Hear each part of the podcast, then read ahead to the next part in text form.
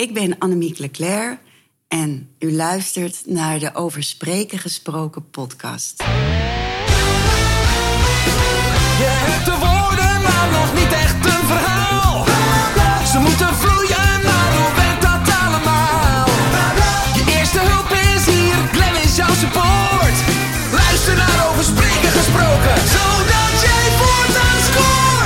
Hallo lieve luisteraar, wat fijn dat je luistert naar een nieuwe aflevering van de Over Spreken gesproken podcast. We zijn inmiddels in 2022 beland, maar we willen nog steeds korte metten maken met plankenkoorts en leren spreken met meer impact. En in dit gesprek interview ik Annemiek Leclerc. Annemiek studeerde Cultural Analysis en Comparative Literature. Zeg ik dat goed? Ja, de, de invloed. Wat, en dan denk je van, waar, gaat het over? Nou, dat gaat over de invloed van het een op het ander onderzoeken. En misschien droof haar dat uiteindelijk naar het beroep van journalist. Want ze werkte als journalist eerder bij de Volkskrant en bij Psychologie Magazine. En nu onder andere bij HB De Tijd, Vrije Nederland, het Financieel Dagblad en NRC Handelsblad. En in coronatijd deed ze de opleiding voor zingevingscoach en interviewde ze 50 prominenten over het gesprek van hun leven. Het gesprek wat hun leven voor goed veranderde. En daar gaan we het over hebben. Over keukentafelgesprekken, over wat vormt nu eigenlijk een goed gesprek. Zijn er rode draden te vinden in nou, die impactvolle gesprekken die mensen hebben? Dit en nog veel meer. Luisteraar, ik wens je heel veel luisterplezier toe. Annemiek, welkom in de podcast. Dankjewel, fijn dat je hier bent. Fijn dat ik in jouw podcast mag verschijnen. Nou, heel fijn om eh, hier bij jou aan de keukentafel te zitten. En, en nog leuker om ook te horen van jou dat dit ook de plek is waar jij eh, gasten voor je eigen onderzoek uitnodigt. Of waar je zelf ook coachingsgesprekken voert. Ja, dat klopt. Dat is, gebeurt allemaal hier aan deze eenvoudige keukentafel. Ja. Ja, En je zei, dat doe ik bewust. Ja. Dat vind ik belangrijk. Wat, wat, maakt dat dat belangrijk is voor het gesprek? nou ik vind dat als mensen voor coachingsgesprekken komen... eh, dan vind ik het mooi om ze gewoon in mijn eigen huis te ontvangen. Omdat dat toch een net wat huiselijker en persoonlijker... ehm, ja, kwaliteit geeft aan het gesprek. Waarin je je verhoudt tot, tot elkaar als mens tot mens. En dat, dat is als je in een werkruimte afspreekt... vind ik dat toch weer net iets anders. Ja. Ehm, dus het heeft ook wel gewoon wel iets, eh, iets gezelligs, vind Ja. ik. Ja. Nu, eh, jij neemt nu zelf hier tussen, naast de kerstboom plaats. Ja, precies. Nou, het is het ei- einde van het jaar, eh, Ja. nu dat we dit opnemen. De luisteraar hoort het in het begin van het nieuwe jaar. Nou, waarschijnlijk na, na de drie koningen. Maar, dan, maar, dat maakt inderdaad... Ik, ik, ik, ja, ik voel ook wel met je mee dat... of ik mensen bij mij op kantoor uitnodig... of echt bij mensen thuis mag komen...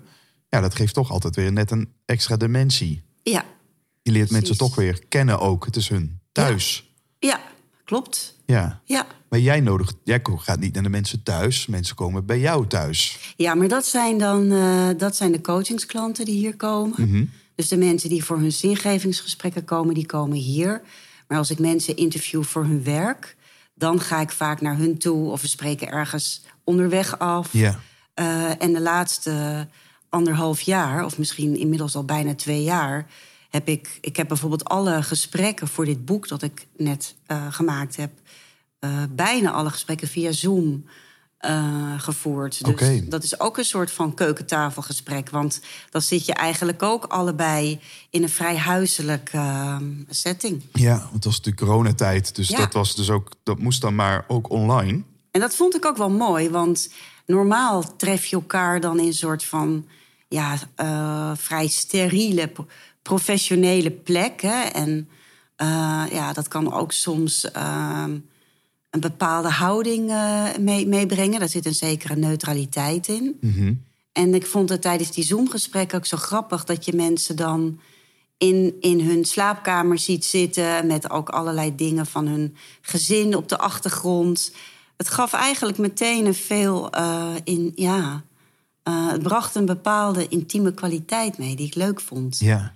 Ja. Ook een, toch weer een inkijkje. Ja, heel dat persoonlijk. inkijkje en dat het ijs een beetje breekt, weet je wel.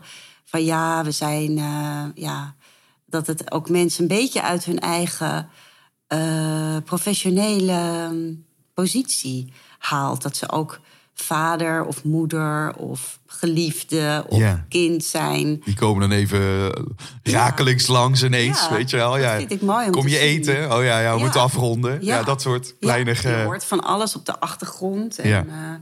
ja, dat vind ik mooi. Want ik, ik, ik merk natuurlijk in mijn werk ook veel weerstand. Dat mensen weerstand voelen om dan weer maar een gesprek te voeren via Teams of Zoom. Maar ik, ja, als ik ook kijk naar de mooie gesprekken die je uit hebt geschreven. Jij, bent, jij denkt dus dat, het heel goed dat je heel goed een heel mooi intiem gesprek kunt voeren. Ook via de digitale. Ja, dat blijkt van wel. Ja. Ja, dat blijkt van wel. Maar ik zou er voor de coachingsgesprekken die ik voer... dat zou ik echt minder fijn eh, Hmm. vinden. Dat zijn vaak echt lange gesprekken. Twee, tweeënhalf, soms drie uur. Ja. En om elkaar dan de hele tijd te gaan aanstaren via zo'n scherm. en dat je niet eventjes het raam open kunt zetten... of ondertussen even iets kunt doen. Ja. Eh, dat, dat, dat zou ik vervelend eh, vinden. Maar ja, kijk, deze gesprekken zijn eigenlijk vaak ook vrij kort geweest. Dus het ging prima. Het Ja. ging eigenlijk verbazingwekkend goed. Maar ik denk dat dat ook te maken had met dat ik zo met zo'n heldere vraag ehm, dat gesprek ook i- inging. Hè? ja. Want wat was letterlijk de vraag die je hen stelde? Nou, de vraag was, die had ik dan van tevoren natuurlijk opgestuurd. Dat was, wat is het meest betekenisvolle gesprek dat jij in je leven hebt gevoerd? Eh, en ehm, waar was dat? En wanneer was dat? En met wie? Eh, en waarom heeft het zo'n grote betekenis voor je gehad? En mensen hadden daar van tevoren vaak echt al lang over nagedacht. Het, was, dat is, het is niet een vraag die je zomaar even eh, beantwoordt. Nee, het is fijn om, dat, om, dat, om daar even over, over, Nou, zeker, dat- mogen te Toch, nadenken. hè? Dat, ja. zou ik, dat zou ik wel. Ik zou, zelf heb ik daar echt, echt eh, lang over nagedacht. Ja. En dat merkte ik ook bij anderen. En dan was het natuurlijk ook nog zo dat je veel betekenisvolle gesprekken voert. die je niet per se wil delen met, met anderen omdat het intieme gesprekken zijn. Ehm, en zeker de mensen die ik interviewde, die hadden vaak met belangen van grote organisaties te maken, met aandeelhouders soms zelfs. Dus eh, die moesten echt goed nadenken wat ze wilden vertellen. Ja. Ehm, en ehm, ja, dan, eh, dan ja, dat, dat kostte ze wel even. Ja. Maar, de, maar ehm, dus op het moment dat ze zelf begonnen te praten, hadden ze ook al dat hele, die hele strekking eigenlijk van dat verhaal ook bedacht. ja. Dus dat, is, dat kon ook vrij gemakkelijk via Zoom. Ze zagen het al voor zich. Ze zaten er bij spreken Ja. al in. Ze Terwijl als, goed voorbereid Ja. vaak. Ja. In ieder geval het gesprek dat ze wilden, waar ze over wilden vertellen. ja. En ik realiseer me nu dat ik in een bumpertje of in een intro helemaal niet heb genoemd. Maar als het gaat over 50 prominenten. Ja. Nou ja, we hebben het hier over mensen als Robert Dijkgraaf, wetenschapper. Over Esther Verhoef, schrijfster. Eh, we hebben het over Paul Witteman, de presentator. We hebben het over eh, Sunnery James, eh, DJ. DJ. Tot aan eh, Klaartje Kruif, predikant. Joep van het Hek. Eh, nou, het gaat zo maar door. Sigrid Kaag. Ja, Ja, dat zijn- Asscher, Wende Snijders, Claudia de Brij. Het is eh, Dirk de Wachter. Klaas Knot, directeur van de Nederlandse Bank. En eh, Frans Muller, directeur van Ahold. Marjan van Loon, directeur van Shell. Shell. Dit zijn Ja. echt wel hele bijzondere mensen. Hè? Ja. Ik, ik, wil, ik ben dan toch gewoon nieuwsgierig. Hoe, ja, hoe, hoe zoek je, hoe selecteer je daarop? Want je weet van Ja. tevoren nog niet of ze iets nuttigs te vertellen hebben. Eh, daar ga je dan maar gemakshalve van uit, vanuit de aanname dat ieder persoon natuurlijk Ja. eh, verhalen heeft die de Ja. moeite zijn te delen. Eh, dat en, en, en hoe, hoe, ja, wat maakt dan dat al die belangrijke mensen, die, die doorgaans heel druk zijn, hier ook ja tegen zeggen om dit, dit persoonlijk, een persoonlijk verhaal te delen? Ja, nou ja, de keuze van de mensen is eigenlijk tot stand gekomen samen met, eh, met het, het, eh, het magazine waar ik dit, deze serie oorspronkelijk voor heb gemaakt. Hè, dat is FD Persoonlijk van het Financiële Dagblad. Eh, want eerst zijn bijna alle, is bijna die hele serie is in de krant verschenen de afgelopen anderhalf jaar. En ik heb wel samen met hen besproken wie interessant zouden zijn voor hen, voor hun magazine. Want het is natuurlijk, dan moesten ook eh, zij hebben een publiek dat ook echt geïnteresseerd is in mensen die uit de zakelijke en financiële sector eh, af, afkomstig zijn. Ja. Dus zelf zou ik vanuit mijn eigen achtergrond iets meer geneigd zijn om filosofen en kunstenaars en, en, en, en allerlei allerhande denkers te vragen. Maar dus het was voor mij ook heel erg leuk om me iets meer te verdiepen in die hele bedrijfsleven segment. En toen hebben we gewoon bedacht, nou, naar wie zijn we nieuwsgierig? Ja. En ik heb eigenlijk nooit de eh, vrees gehad dat mensen geen interessant verhaal zouden hebben. Want eigenlijk is als je deze vraag aan iemand stelt, is het gewoon per definitie interessant, Ja. vind ik zelf. Omdat je eigenlijk in, in een, in een eh, heel snel iets echt leert over de persoon die tegenover je zit. En waarom mensen wilden meedoen eraan. Eh, ja, dat ging verbazingwekkend goed. En, eh, want ik ben eigenlijk meteen begonnen met Marian van Loon uit te nodigen van Shell, Pieter Elbers van KLM ehm, en ehm, Lodewijk Asscher. En dat zij ja zeiden had denk ik te maken met het feit dat ze een ander verhaal konden vertellen eh, dan ze normaal kunnen doen. Omdat het echt ging over iets dat van betekenis voor ze was. Ehm, dus ik denk dat ze zich uitgenodigd voelde door, door, door de vraag. Ja. Eh, en Pieter Elbers heeft uiteindelijk niet meegedaan, want toen, nou ja, eh, de hele vliegtuigbranche stortte natuurlijk toen in elkaar Ja. vanwege die. Dus nou ja, hij had wel wat anders aan zijn hoofd. Maar ehm, ja, ik was toch wel heel dankbaar voor de mensen die al vrij snel zeiden: ehm, goed idee. Hè? Dat was ook bijvoorbeeld met Joep van het Hek. Eh, dat zijn toch mensen die veel voor interviews eh, worden gevraagd. Maar Ja. kwam wel vrij snel ehm, een ja. Wat goed. Nou, dat, is, dat, Ja. dat, dat kenmerkt eh, nou, het bijzondere boek. Eh, ehm, en, en we gaan natuurlijk veel meer praten over, over de inhoud van het boek. Maar voordat we dat gaan doen, ben ik eigenlijk wel heel benieuwd. wat is voor jou eigenlijk een, een, een gesprek, een prominent gesprek Ja, in je leven geweest? Ja. ehm.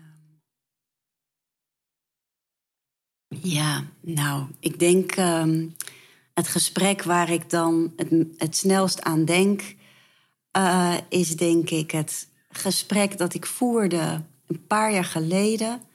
Eh, dat was in 2018, denk ik, eind oktober 2018. Ik weet dat zo precies, omdat mijn eh, partner net onverwachts was gestorven. Hij was 57 en hij stierf ehm, aan een aneurysma. Eh, dat is niet de vader van eh, mijn kinderen. Ik was, ben gescheiden. En ehm, eh, ik heb een zoon en een dochter. En mijn zoon die ging vlak daarna een, een weekje op schoolreis naar Engeland. En normaal gesproken hoor ik nooit wat van hem tijdens, die, eh, tijdens zo'n schoolreis. Hij is gewoon weg. en, eh, en dan, eh, nou, dan denk ik gewoon, geen nieuws is goed nieuws. Ja. Maar nu, ik, ehm, door de schok, had ik, kon, ik al, kon ik niet meer eten en ik kon niet meer slapen. En dat had hij gezien. Dus nu ging hij vanaf die schoolreis, belde hij me elke dag, s'avonds na het eten, vanaf een verlaten slaapzaal. Eh, mam, hoe is het? Eh, hij was 15, 14. Heb je iets gegeten? Eh, slaap je wel? Ehm, en zoals zoveel ouders vind ik het niet zo prettig als mijn kinderen zich zorgen om me hoeven te maken, eh, moeten maken. En ehm, ehm, eh, ik wilde hem dus, en het is helemaal niet als hij op schoolreis is natuurlijk, ik wilde gewoon graag dat hij een leuke tijd had. Dus ik probeerde hem gerust te stellen met te vertellen eh, hoe goed er hier thuis voor me gezorgd werd. En dat er allerlei familie en vrienden steeds langskwamen en hier sliepen en eh, voor, voor eh, me kookten. toen ik hem dat vertelde, toen zei ik: Ja, dit is, mijn, dit is wat eenzaamheidsonderzoeker Jenny Gierveld je karavaan noemt. Dit is de groep mensen met wie je door het leven trekt. Eh, en ehm, die voor je klaarstaat op momenten dat het echt heel slecht gaat. En dat is wat je. Het is fijn als je daar in, in je leven de tijd voor maakt, hoe druk je ook bent, om dat groepje ehm, mensen, soms maar een handvol, ehm, om, om voor dat groepje mensen goed te zorgen. Eh, en daar heel, eh, hoe zeg je dat?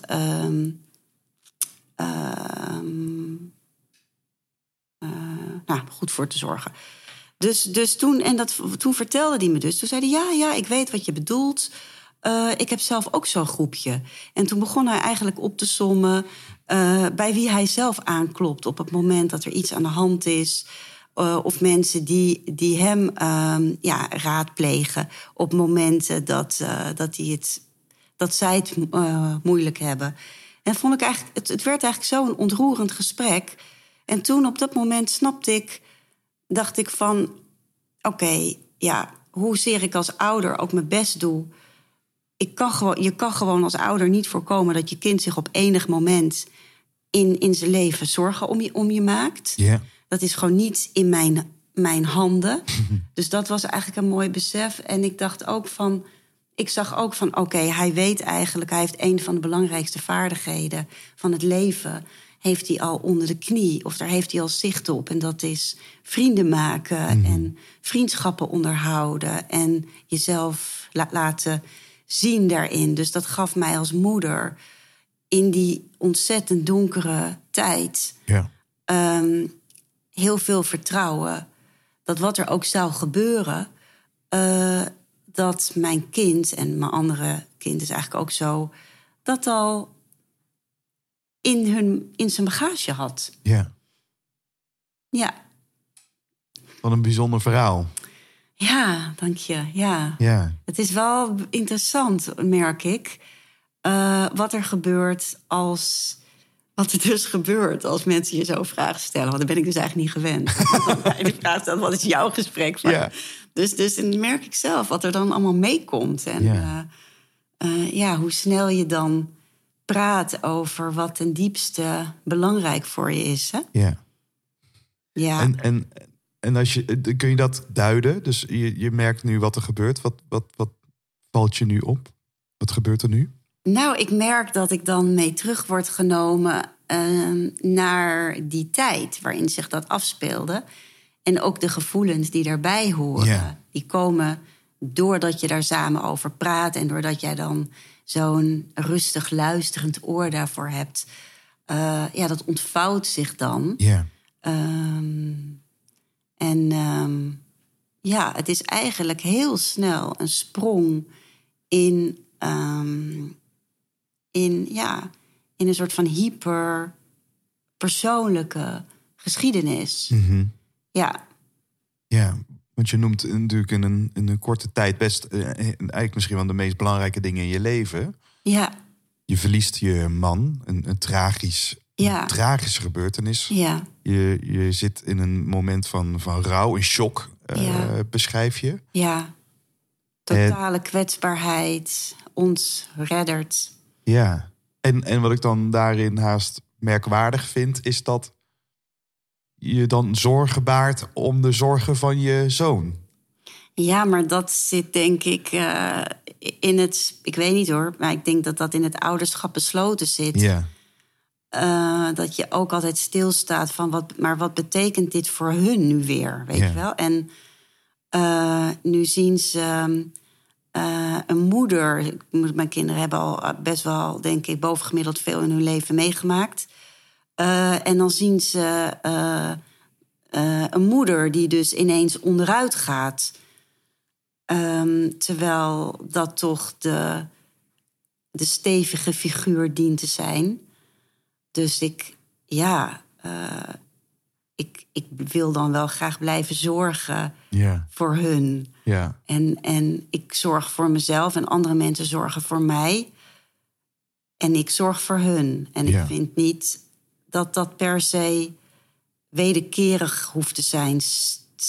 Nee, juist niet. En, ehm, en als het dan toch zo is, dan doet dat even, ja, dat, dat vind ik dan even naar. Weet je, Ja. Dan denk ik, hé, hey, wacht eventjes. Het zou niet zo hoeven te zijn dat jij op jouw sch- schoolreis... met dat wat zich in het leven al heeft afgespeeld... dat jij nu mij moet gaan opbellen. Heb je wel gegeten? Wel? Dus ik vond het ook wel heel goed om... Ik, ik, heb, ik vond het heel erg, erg eh, dierbaar. Eh, maar ik, ik wilde ook wel vertellen... ik heb mensen die dat voor mij doen. Ja.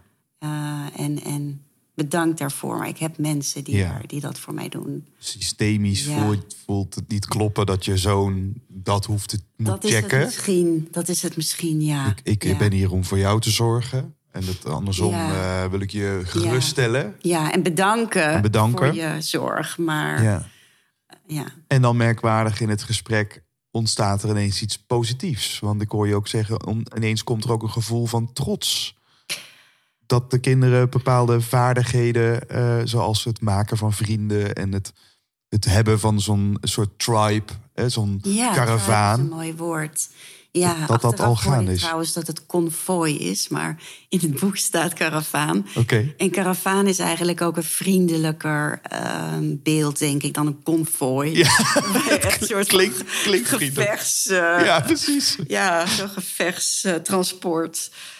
Ehm, ja, maar trots, ik weet niet of trots nou echt... Het, trots is niet per se het goede woord... maar ik denk Nee. dat ik gerustgesteld was. Ik denk dat ik gerustgesteld ben dat zij allebei de vaardigheden hebben...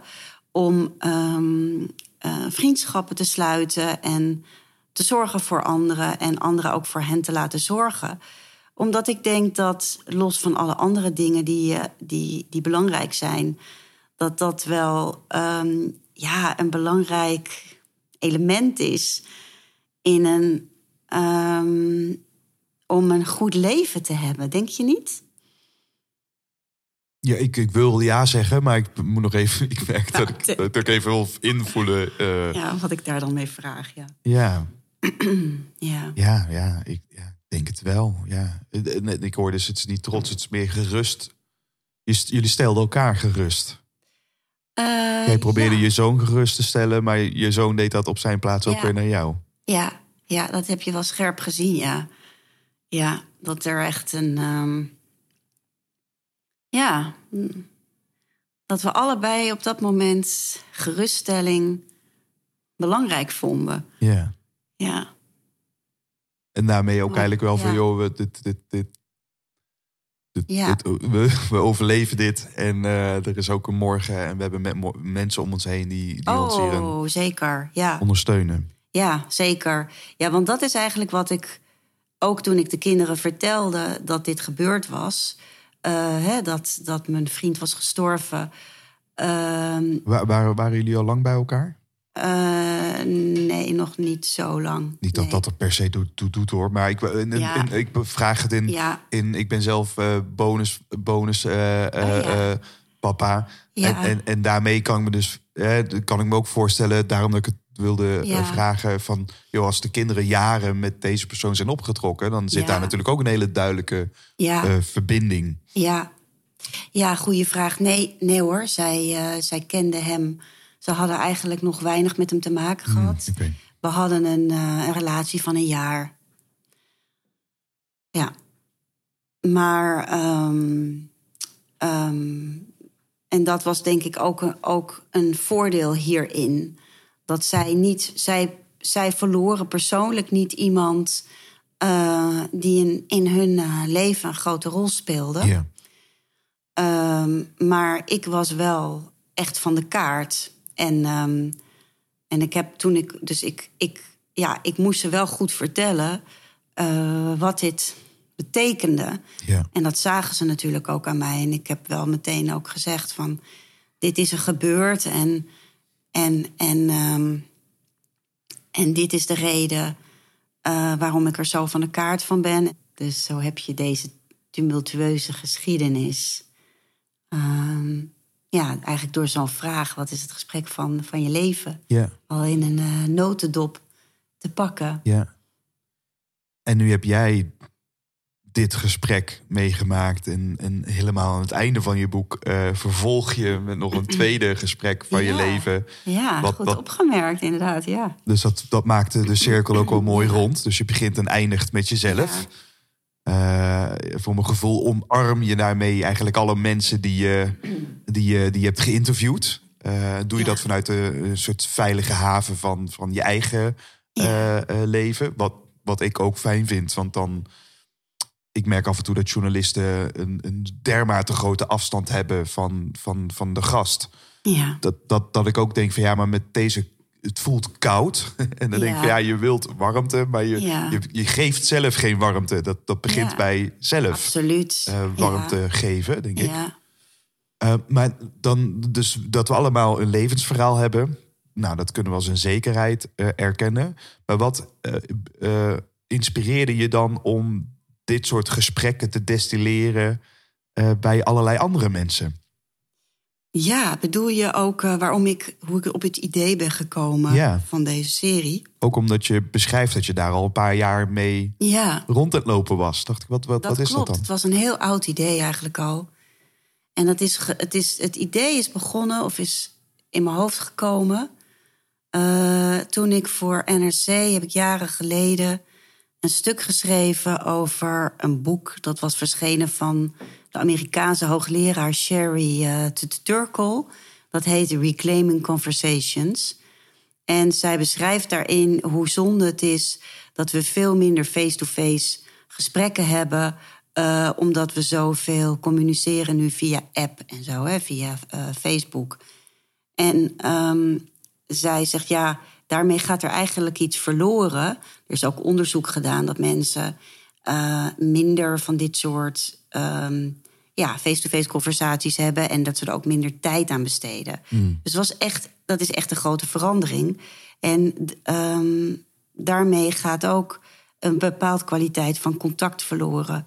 Want je, ehm, het is toch heel anders om je te verhouden tot iemand als je elkaar aankijkt en in elkaars nabijheid bent, dan wanneer je dat ehm, kort bijvoorbeeld via de app doet. Dat is eh, ook als je bijvoorbeeld eh, elkaar wilt leren kennen of conflicten wilt uitspreken, dan is het gewoon veel beter om in elkaars nabijheid te zijn. Dus zij had daar een boek over geschreven en daar had ik een artikel over gemaakt. En ik weet niet meer of zij dit nou al in haar boek noemt. Van het is, zou interessant zijn om. Je doet mensen een groot plezier om hen te vragen. Wat een betekenisvol gesprek voor ze is geweest. Ik weet dat dus niet meer. Of dat ik dat toen zelf heb bedacht. Maar dat is dus inmiddels al, geloof ik, vijf jaar terug. Ja. En eh, toen dacht ik, nou, dat zou toch voor een interviewreeks zo interessant zijn om ehm, die vraag aan mensen voor te leggen. Ja. En eh, nou ja, dat bleek ook zo te zijn. Kijk, en voor deze serie, je bent toch altijd wat nieuwsgieriger, denk ik, eh, naar mensen die bekend zijn. Dus daarom hebben we ook bekende mensen gekozen. Eh, maar als einde van de serie voor het FD hebben we ook nog een lezeroproep geplaatst. Waarin we aan lezers gevraagd hebben wat hun belangrijkste gesprek was. Ja. Daar zijn een paar echt hele, hebben we een paar hele mooie gesprekken uitgezocht. Kijk, daaraan zie je dat het dus helemaal niet uitmaakt aan wie je zo'n vraag stelt. Nee. Het is van iedereen interessant. Ja. En ik vond het eerlijk gezegd ook ontzettende toegifte om, of een ont- ontzettende voorrecht voor mezelf om nog die lezers te kunnen interviewen. Want die hebben nog minder voorbehoud. Dus die durven nog meer te vertellen over eh, wat nou echt, ehm, ja, wat, wat, hun, hun, wat hun overwegingen waren. En dat is toch heel wat anders dan dat je Marjan eh, Rintel, directeur van de NS, spreekt. Ja, ze had ook een, echt een mooi verhaal, maar zij, gaat, zij zal minder snel het achterste van haar tong eh, laten zien Ja. als je leiding geeft aan zo'n bedrijf. Ja. En, eh, en door wat minder bekende personen te spreken, kwam er net nog wat meer diepgang in. Ja. Dus ja, ik zou eigenlijk het liefst eh, met een soort van microfoon het land rondtrekken. en aan iedereen die ik tegenkom de vraag stellen: wat is jouw meest betekenisvolle gesprek? En ik ben ook heel nieuwsgierig nog. Ehm, ja, dat, dat is denk ik een eindeloze, oneindige nieuwsgierigheid. Ja. Ja. En, eh, en ik zie je naar me Ja, kijken en knikken. want- ja, want, want ik ben benieuwd, zou jij, eh, zou, zou jij daar zelf iets, eh, eh, vind je het last, vind je het, zou je, zou je zelf iets over jouw eigen eh, gesprek van je leven kunnen vertellen? Of, of is dat, zou je, heb je daar, zou je daar meer voorbereidingstijd voor nodig hebben? Boe, je vraagt aan mij wat mijn gesprek van mijn Ja. leven is. Ja, wat zou, zou jij dat zo kunnen beantwoorden?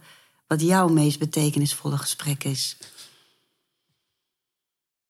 Ehm, Dan moet je even van je draaiboek af. ja, dan moet ik even van mijn draaiboek af. Ehm, ja, nee, ik, ehm, ik kan daar wel iets over vertellen. Er is een. ik merk dat er heel veel, heel veel betekenisvolle gesprekken opborrelen. Maar er is één, één, eentje die zich zo dominant aandraagt. Waarvan ik dan eigenlijk denk, ja, die kwam als eerste omhoog. En daarna ga ik verder zoeken. Maar, dan, Ja. maar dat je dan denkt, van, ja, dit, dit Ja. is hem dus dan. Ja, Dan, precies. dan het enige vraag is, durf je hem aan? Ja, durf Ehm. je hem aan? Ja, En ehm, ja, dat durf ik wel. Eh, los van dat ik dit denk ik nog nooit eh, zo eh, heb gedeeld in, oké. op, ja. op, op band. Ja, maar ik, ik, ik ben hier zeven jaar oud. ja, en ik, kom, ehm, ik was bij een ehm, eh, vrienden blijven slapen. Bij Sophie. En, eh, en, en wat ik zo bizar vind, en dit, dit moment, is dat ik dus nog heel erg specifiek bepaalde dingen voor me kan zien. Eh, ik weet niet of dat een kenmerk is van ook van andere Ja. mensen. Dat, dat, dat dit soort. Dus ik zie de, de plek waar, we, waar, waar ik was, zie ik nog zo duidelijk voor me dat ik daar dus bleef slapen. Dat we zo'n. Ze hadden zo'n grote bus met zo'n zeven zits, weet je wel, met dan achterin nog eh, laadruimte. Dus we stapten in die bus en we reden van haar huis naar mijn huis. ja, Want ik was daar blijven slapen omdat het niet goed ging met mijn zusje Lisa. ja, Zij was toen vijf jaar oud. ja, En, ehm, en wij reden in die bus terug naar huis. En, eh, en ik vond het merkwaardig dat we voor de voordeur eh, stopten. Want ik ben opgegroeid in Limburg. Ja, Ja, we noemen dat altijd achterom. ja. Dus ja, ja. Je, je, gaat, je komt nooit via de voordeur naar binnen. Dat was altijd gewoon via de, via de tuin. En dan stonden mensen ineens gewoon in, de, in je woonkamer. Maar dat was de normaalste zaak van de wereld. Dus het was wel een beetje vreemd dat we dan zo voor de deur parkeerden. ja, En dat, ehm, eh, nou ja, dat, dat dan ik via de voordeur naar binnen. En eh, nou, ik zag, mijn moeder was al, eh, huilde al eigenlijk voordat we op de bank zaten. En dan, dan weet je het eigenlijk al. ach, Eh, maar je bent nog jong en, eh, en, Ja. en ja, onbezonnen daarin. Dus ik ging eh, zitten tussen mijn ouders in. Ik denk dat mijn vader links van mij zat. En mijn moeder rechts. En, nou, en zij, zij deden het, het ver- verhaal dat Lisa die avond was overleden. zo. En ehm, ja, en ik. ehm, het is grappig dat nu dat ik dat uitspreek, ik eh, herken wat jij net zei. Hè, dus dat, je dan, dat ik me daar als jongetje van zeven weer zie zitten, maar ook voel zitten. Ja, Het is van de ene kant heel raar dat er, eh, dat er een, een gevoel alsof er een luikje onder je voeten eh, open gaat. Een soort, ja, soort gapend gat waar je in terecht komt. ja, Ehm, en mijn moeder huilde heel hard toen ze dat vertelde. Ehm, mijn vader zat er ook wel heel emotioneel, maar was, eh, wordt net zoals ik wat stiller als, als hij eh, emotioneel is. ja, Dus zij volgens mij daarin weinig. ja. En een van de eerste dingen die ik zei is: ik wil graag eh, oma bellen om het te vertellen. Oh, dat zei jij. Ja, Ja, Dat is zover ik me het kan herinneren. Dat ik, Ja. En oma wist het natuurlijk al. En, ik Ja. ben, en bij oma, daar ben ik heel veel verbleven in de vijf jaar dat Lisa Ja. leefde. Want Lisa, voor de luisteraars eh, en voor jou, had een Ja. verstandelijke be- beperking. Was eh, Ja. zeer ernstig verstandelijk gehandicapt. ja. Omdat zij bijna drie maanden te vroeg was geboren. Ah, ja. Dus die vijf jaar van haar leven eh, waren natuurlijk gewoon eh, waren best wel turbulente jaren. Veel ziekenhuis in, ziekenhuis uit. Ehm, maar toen zij ziek werd, ook nu weer, ja, dat gebeurde wel vaker. Ook vaker dat ze het, eh, naar, het, naar het ziekenhuis moest.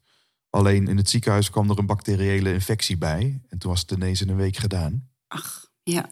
En ehm, Ja. dus daar, dat was wel, dat maakte wel de, de klap. Maar ik ben dus altijd bij mijn oma verbleven op het moment dat zij ad hoc naar het ziekenhuis moesten. En waarschijnlijk was de nood nu zodanig dat ik al was blijven spelen bij, eh, bij een vriendinnetje. Ja. Eh, en dat zij toen Ja. zeiden van joh, eh, dat ik dus dat er niet eens de tijd was om mij nog naar oma te brengen. En dat zij waarschijnlijk hebben gezegd Ah, van joh, eh, ja. hij blijft wel hier slapen. Ik denk dat dat zo is gegaan. Ja, ja. Maar ik had dus de behoefte om dat te delen. Ik kan nog herinneren dat ik aan de telefoon zat met oma. Dat deelde, terwijl dat mama daarnaast naast me zat. En nou, ik heb daar toen ook wel moeten huilen. Eh, Ondanks Ja. dat ik natuurlijk nog niet helemaal misschien begreep eh, hoe definitief zoiets is. Hè? Ja. Maar ik ben ook nog wel dezelfde dag weer naar school gegaan. Oh, Ik ben de ochtend eh, thuis gebleven. En op een gegeven moment vroeg ma, mijn moeder van... ja, wat wil je? Ik zeg, ja, ja hier thuis maar blijven zitten is ook maar zo, zoiets. Dus laat mij maar gewoon weer naar, naar school gaan. En dan, ja. nou, dan kreeg ik ook eh, de ruimte om dat te delen. En ik merkte Ja. dus dat ik al vanaf... dat ik heel snel troost voelde in het, in het delen daarvan. Ja. Ehm, Ja. Maar ik, ik, het beeld dan ook omhoog komt. Dus het definitieve van, van, van zo'n gebeurtenis kwam pas later. Eh, ik kan me ook herinneren dat datzelfde jaar, zij overleed in april. En hetzelfde jaar in december eh, eh, was Sinterklaastijd. En, eh, en dan had ik op mijn verlanglijstje geschreven van nou, Sinterklaas, u hoeft me eigenlijk helemaal niks te geven aan spullen. Ik zou eigenlijk maar één ding willen. Nou, En eh, zou, zou u Lisa weer eh, eh, terug op aarde kunnen brengen. ja. Ja. Had je dat opgeschreven? Dat had ik eh, opgeschreven in mijn, go- in mijn schoen gestopt. Ja. En toen is de beste man ook nog eens langsgekomen. van de lokale vereniging van het Pijse Echtse dorp. Zo. Dus die vroegen van, joh, wij doen wat eh, huis en huis bezoeken, weet je wel, door de weken heen. Ja. Vinden we het goed als we langskomen? En eh, nou, die heeft me op Nou. schoot genomen en gezegd van, nou, je, kan heel veel vragen, maar eh, helaas kan ik eh, dat wat je vraagt, kan ik, eh, kan ik niet, Ja. dat kan ik niet voor je regelen. Ja. En wat was je reactie daarop? Wat dacht je toen? Ja, dat, dat ergens snapte ik dat natuurlijk ook wel. Ja, Ja. dat snapte je. Ja. En weet je nog wat er tijdens dat gesprek ehm, op die bank, wat je ouders precies zeiden? Behalve ehm, dat je zusje was gestorven. ja. Is er nog meer gezegd? Ja, volgens mij dat het, eh, dat het vredig ging. En dat, eh, zover ik me nu weer op te halen, dat Lisa stopte met vechten. Oh ja, En dat het daardoor eh, goed was. En, en dat, dat ze ja, niet opgaf, maar gewoon uiteindelijk koos van... joh, het is goed zo. ja, En toen hebben ze de instrumenten... Ze zat helemaal vast aan allemaal kabels en dingetjes. Dat hebben ze gewoon eh, ja, plechtig allemaal losgekoppeld. En toen is zij volgens mij ook eh, gestorven in, eh, in hun armen. ja, ja, dus dat, zij deden, dus, er is ook een foto van gemaakt. Dat, dat, die, dat was in de tijd dat de rolletjes eerst nog ontwikkeld moesten worden. Dus die, die foto heb ik pas later gezien. Ehm, maar dat zag er ook wel vredig uit. oh ja, En wat ik wel mooi vond, is zij is opgebaard eh, bij ons thuis in haar slaapkamer. En ik ben echt eh, dagenlang eh, onafzijdelijk geweest van haar. ja, Dus ik ben als, Oh, ja? ik heb echt dagen ja, bij, bij haar geweest. ja, toch, toch ook wel stiekem hopen dat ik, ik weet nog dat ik heel lang met mijn hoofd op haar buik heb gelegen. En hoop dat ik, dat ik dacht, "Oh, jongens, ik, hoor- ik hoor weer een ademhaling. Ze is er weer. ja, Eh, ehm, ja, ja, dat, dat ook wel. Maar dat, dat is dat, dat. Dus mijn, ik denk dat daar wel mijn. ehm, dat dat zo'n prominente tijd is geweest, omdat mij dat voor het eerst. Voor het eerst in mijn leven echt kennis liet maken met de vergankelijkheid van het leven. ja, Eh, maar ook, de, ook wel de. Toch wel de vredige associatie daarmee. ja, Dus ik zie dat, hè, dus het, dat afscheid voelde voor mij wel heel vredig. En ik kan me ook herinneren in de kerk dat we daar de dienst hadden. En dat ik eh, eh, met een kruisje in mijn hand voor de kist uit mocht lopen. En dat heel bijzonder vond. Toen ja, het einde van de dienst, dat we dan zo hè, naar, naar haar grafje eh, liepen. ja, Ehm, dus voor mij is, ja, heeft de dood daarin eh, vele gezichten. Maar, maar voor mij is dat ook onom- onomkeerbaar verbonden met het leven. oh ja. En met een bepaalde mate van? Ja, met dat het tijdelijk is hier. Ja, En dat dus dat, dat ehm, ik, ik, op een paar jaar later leerde ik dat er blijkbaar iets werd gezegd dat dan, als het gaat over reïncarnatie, dat ze geloven dat hoe, hoe wijzer de ziel, hoe eerder het het lichaam verlaat. Ja? Dus Oh. dat, eh, dat mensen die heel oud worden, hebben nog een jonge ziel. En, en is aannemelijk dat ze dan daardoor weer eh gereïncarneerd worden. Ja, Maar dat bijvoorbeeld kindersterfte, eh, bij de bevalling bijvoorbeeld, dat het in, in Indo- Indonesië een andere, eh, een andere paradigma kent. Namelijk dat dat dus een hele wijze ziel was, die dus eigenlijk al bij de geboorte alweer uit het lijf vertrokken was.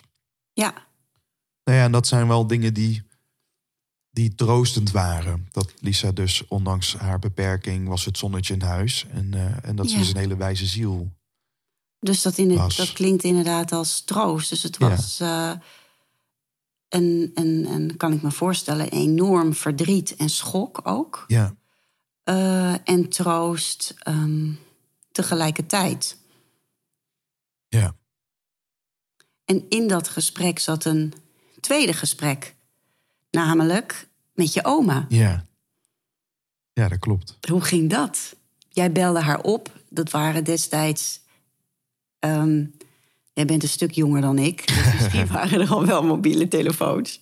Nou, dat was met de thuistelefoon. Hè? We hadden allemaal van die thuis. eh, ja? In welk jaartal speelde dit? Dit was 1998. 1998, ja. Ja, Ja, ja, en toen heb je je oma gebeld. ja.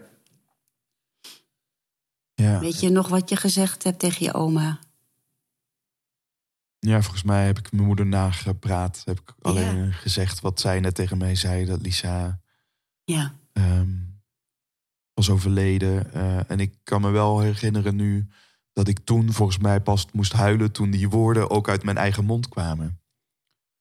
Dus ik merkte een soort verstilling in het begin en, en, en, de emotie van mijn moeder vulde daarin al de ruimte, zou je kunnen zeggen. ja, Eh, maar toen ik dat zelf uitsprak, dan maak je ineens contact met dat het dus ook zo is. Oh ja, dat is een mooi element. Op het moment dat je het uitspreekt, ehm, Ja, dan bestaat het. dan bestaat het. Ja, Dan is het echt. ja, Ja. Ja. En dat was het meest elementaire van dat, het belangrijkste van dat gesprek. Of weet je ook nog de reactie van je oma daarop? Ehm, ik, dat weet ik niet meer precies. Dat weet ik, nee. Nee, nee, ik weet dat zij ook Ja. emotioneel was en, en het natuurlijk al had vernomen. Volgens Ja. mij, eh, ik, ik, ik doe nu toch ook wel natuurlijk een aannames hoe het in mijn herinnering, eh, wat Ja. ik nu maar ook wel denk te herinneren. Ja, Het is grappig dat ik ja, de eerlijkheid gebiedt ons te zeggen dat je het zaadje al had geplant. We hadden er niet over gesproken eh, nog, maar dat je wel had gedeeld dat als het ter sprake zou komen, je het leuk zou vinden om die vraag ook aan mij te stellen. ja, En eh, ik heb onderweg hier naartoe, toen ik in de auto zat, heb ik geprobeerd mijn moeder te bellen.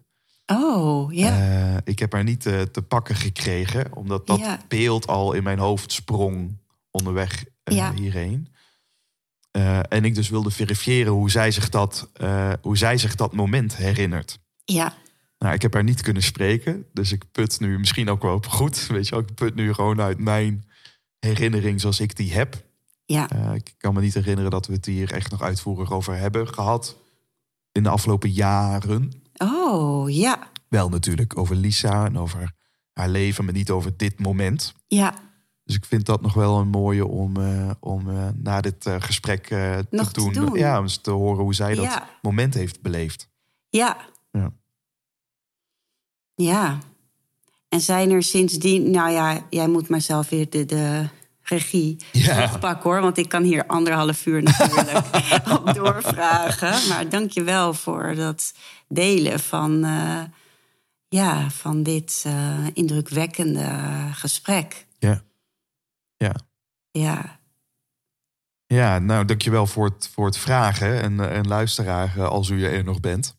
Dankjewel dat je dit dat je, mee hebt willen luisteren.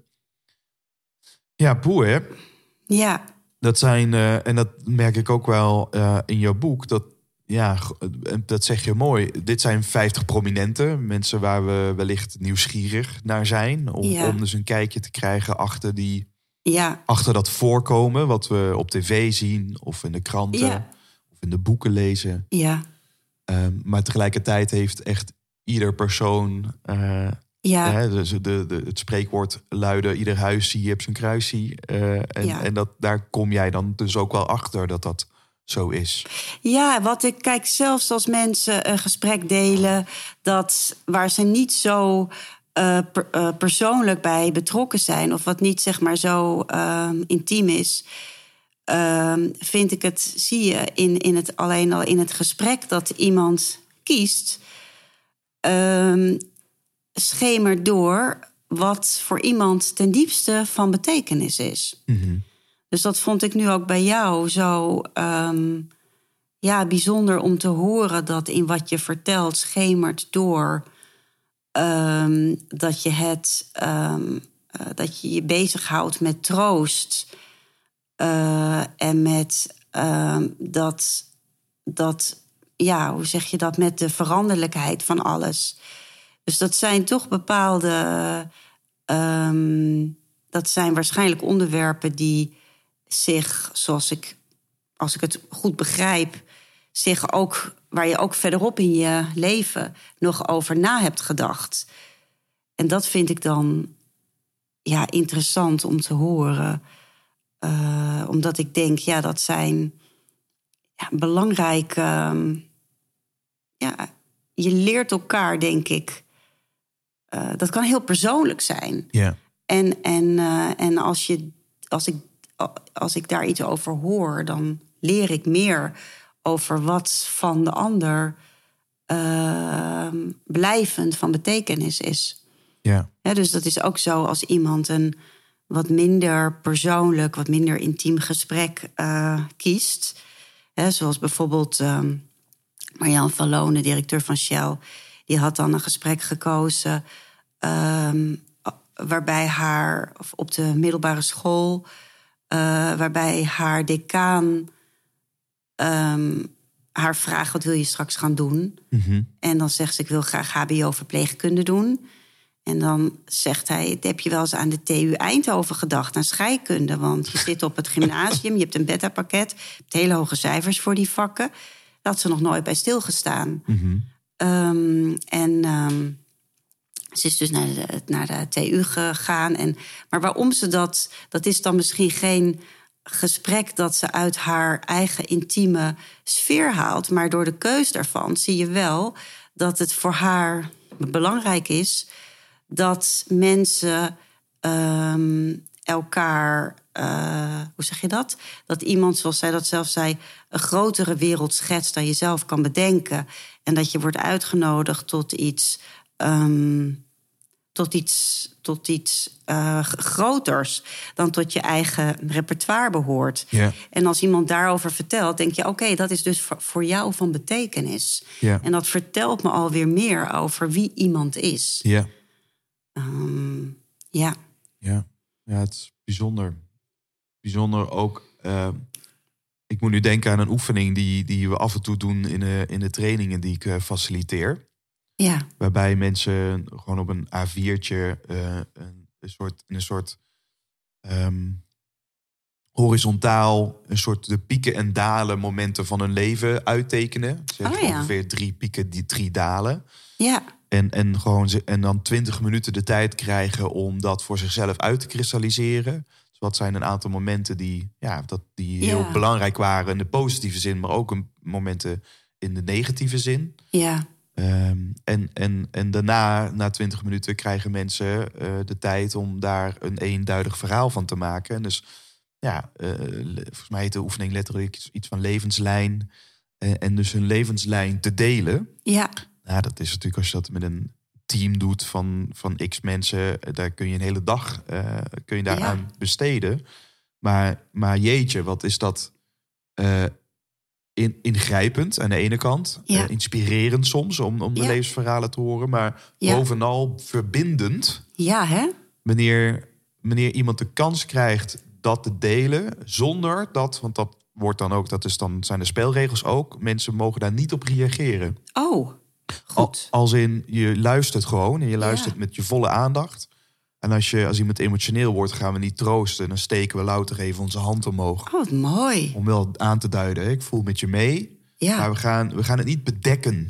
Nee. Want dat is wat we, ik weet niet of je dat herkent. Ja. De neiging soms die we, Ja. denk ik, hebben in de echte wereld. Is dat Ja. we al zo snel geneigd zijn te troosten. Ja. Of we, ah joh, of eh, Ja. ah, kom hier. Eh, Dus maar de, we bedekken daarmee eigenlijk de, de schoonheid van de pure emotie die erbij Ja, hoort. zeker.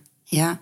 En wat denk je dat er dan gebeurt op zo'n moment? Of bedoel, wat zie je dan gebeuren juist op het moment dat er in zo'n groep over die eh, ja, existentiële momenten wordt gesproken?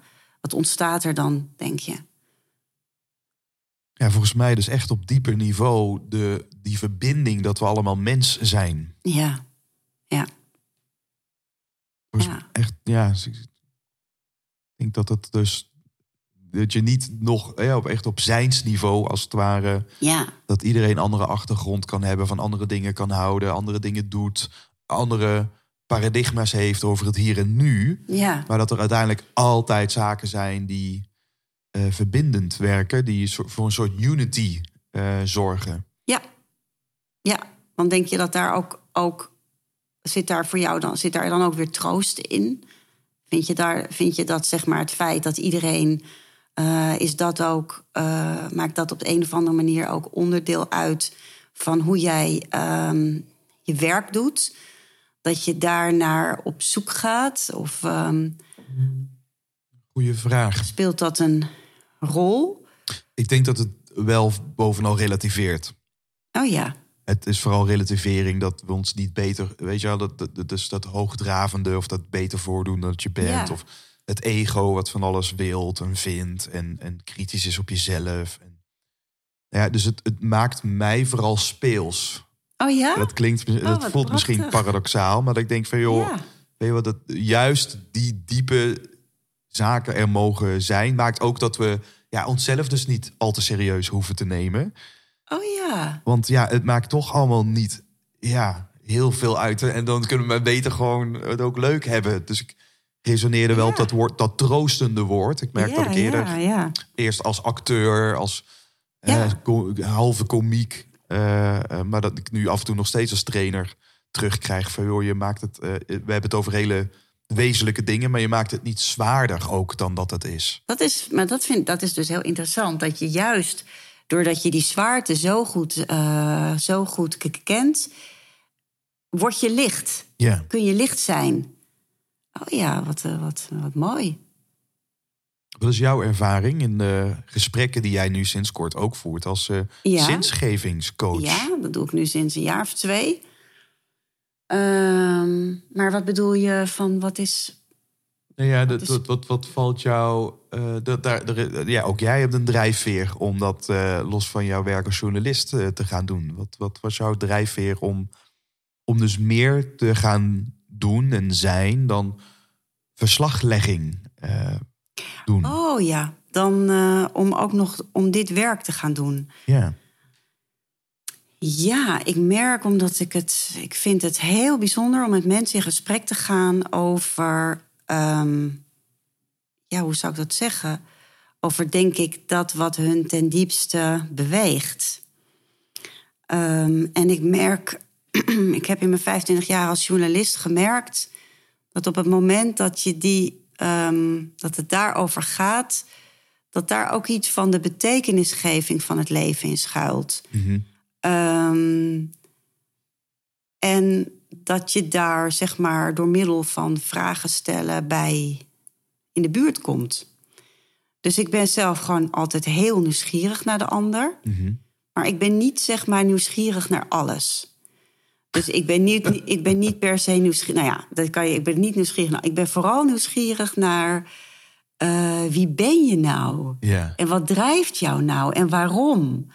En, en ja, ik gebruik dat woord ten diepste de hele tijd. Maar wat is nou gewoon voor jou ten diepste van belang?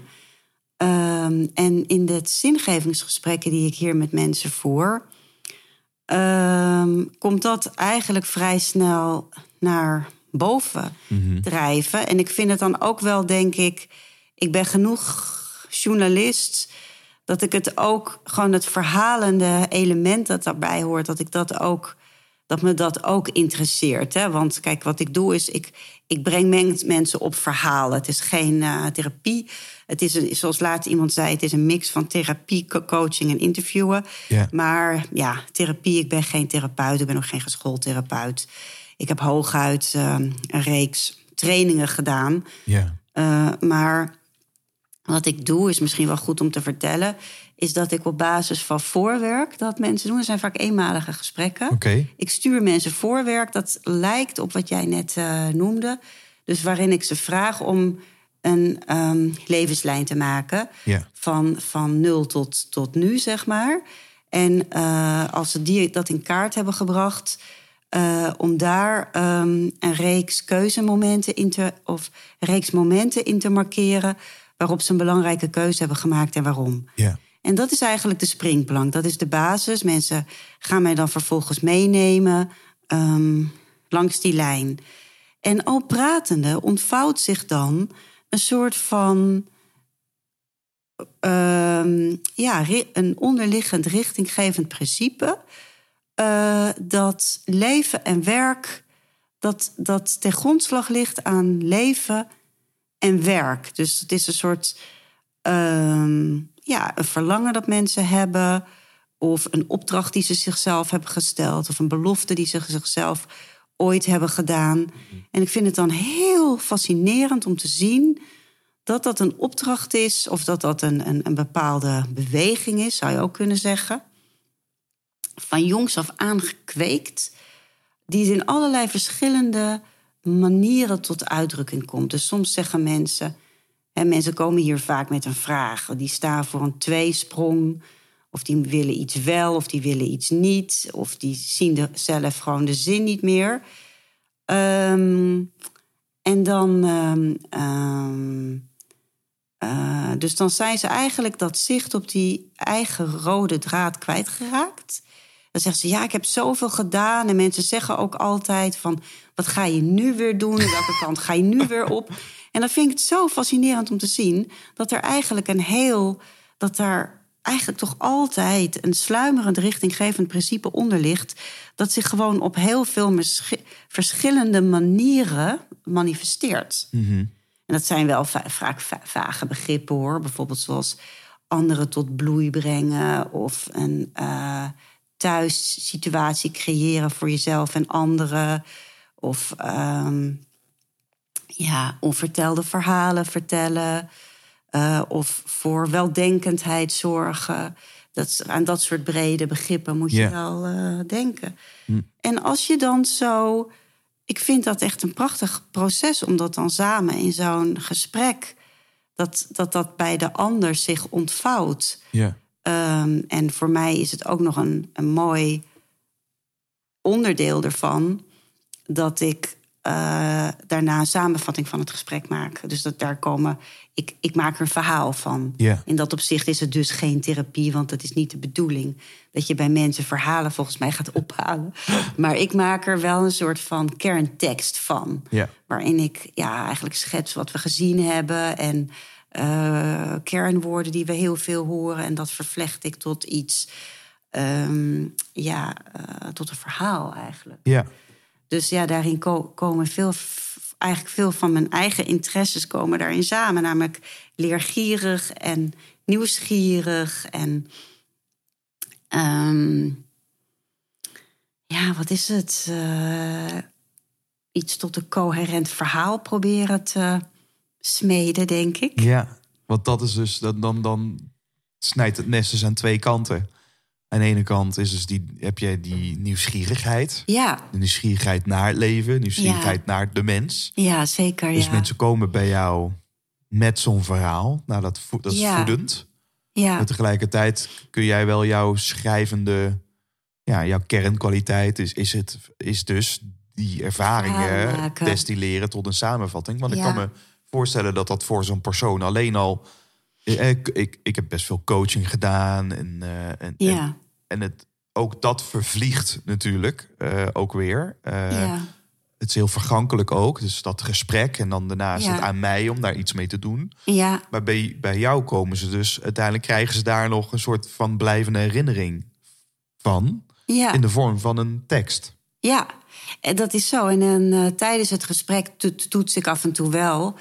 Weet je, soms dan herhalen mensen een paar zinnen en dan, en dan horen ze ineens van, oh ja, dit zeg ik, weet je. wel. En ehm, ehm, ja, dat dat, eh, ehm, dat brengt een bepaalde orde aan, Ja, denk ik. ja. Ehm, want het is dus ook niet zo dat ik daarna gewoon eventjes een verhaaltje ervan in elkaar smijt. Waarvan zij denken van nou, hier. Het is wel dat ik dat het, het is, komt wel steeds onderling toetsend, komt het tot stand. ja.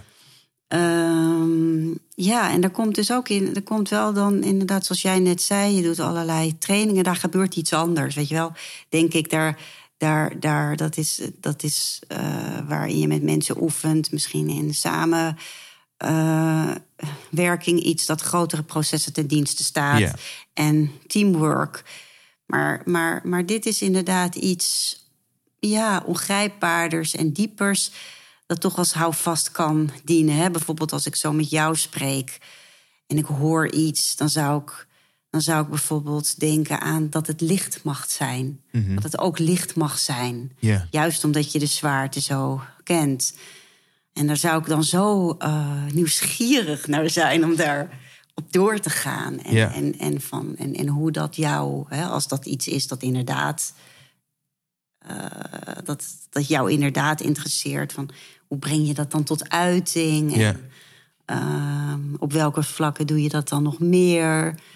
En wat zijn ook de valkuilen daar weer van? Ja. Hè? Wat is de keerzijde daar weer van? ja. Ja. Ehm, want- zo ga je dus dat gesprek als het ware aan. En dan ja, nou, is de intentie is niet therapie, maar het is wel het is heel, heel verhelderend. het is eh, kort, hè? het is 2,5 uur of Ja. zoiets. Eh, heel intens ook. Zo. Ja, het is intens. Ja. Ehm, het is gewoon Maar, dan, dan moet je er wel energie van krijgen. Nou, kan het is ook al een geschenk natuurlijk. Ja, want Het ik kan me ook voorstellen dat je helemaal leeg bent aan het einde van zo'n Ja? gesprek. Ja, want daarna merk ik, dan ga ik, op- begin ook een beetje stamelen. Is het voorbij? Omdat ik alles meeschrijf ook. Hè? Dus ik neem niks op, ik schrijf alles mee. Maar ehm, ehm, het, is, het, is een, het is een geschenk. Ik ben gewoon iedere keer weer... Ik kijk, gewoon met ons, ik kijk daar met ontzag naar. Ik kijk echt met ontzag naar de ander. En waar ik vooral met ontzag naar kijk... is het feit dat we allemaal van die solitaire diamanten zijn. dat we allemaal zo'n prachtige kwaliteit in ons hebben... die gewoon door onze geschiedenis, door onze ervaringen... door onze persoonlijkheid, onze talenten... eh, fijn geslepen is. En dat heeft iedereen. En als zich iets van, die, van dat diamantschap ontvouwt. ehm, ja, en ik, ik zeg het maar even een beetje. En ik in die schittering van de ander. Het is de schittering van de ander. Daar ben ik dan echt. eh, kijk, echt, wow, wat, Ja. wat, een, wat een rijkdom. nou, ik zie je helemaal stralen als je het erover hebt. Ja. Ik zie je, je grij- een, een glimlach Ja. van oor tot oor. Dus het voelt Ja. ontzettend congruent. En ik voel ook wel, dit is volgens mij ook wel een mooie eh, een een correlatie met het eerdere boek wat je hebt geschreven. Minder moeten, meer leven. Hoe eh, ontploeterd, hoe je ontploetert in, eh, in, drukke leef, eh, in drukke tijden. Ook hier, dit is ook een bundel, toch? Van verschillende... Goed bruggetje. Een, een, een bundel, toch? Met verschillende Nou, kort... Ja, nee, dat is eigenlijk wat ik daar heb gedaan. Dat is eigenlijk een meer persoonlijke zoektocht. Ja. Ehm, dat is, ehm, ja, dat begon in 2017. Ehm, Dus nog voor jouw gebeurtenis waar je eerder over vertelde. ja, zeker, zeker. Dat heeft ontzettend veel in gang gezet. Eh, maar dat, dat, was, dat, dat gaat eigenlijk over ehm, waarom we allemaal zo druk zijn en gestrest. Ja. En ehm, waarom we gebukt gaan onder iets waaronder we misschien niet gebukt hoeven gaan, omdat, het, eh, omdat de belangrijk, waar je onder gebukt gaat, zelfs als belangrijke dingen eigenlijk heel goed gaan.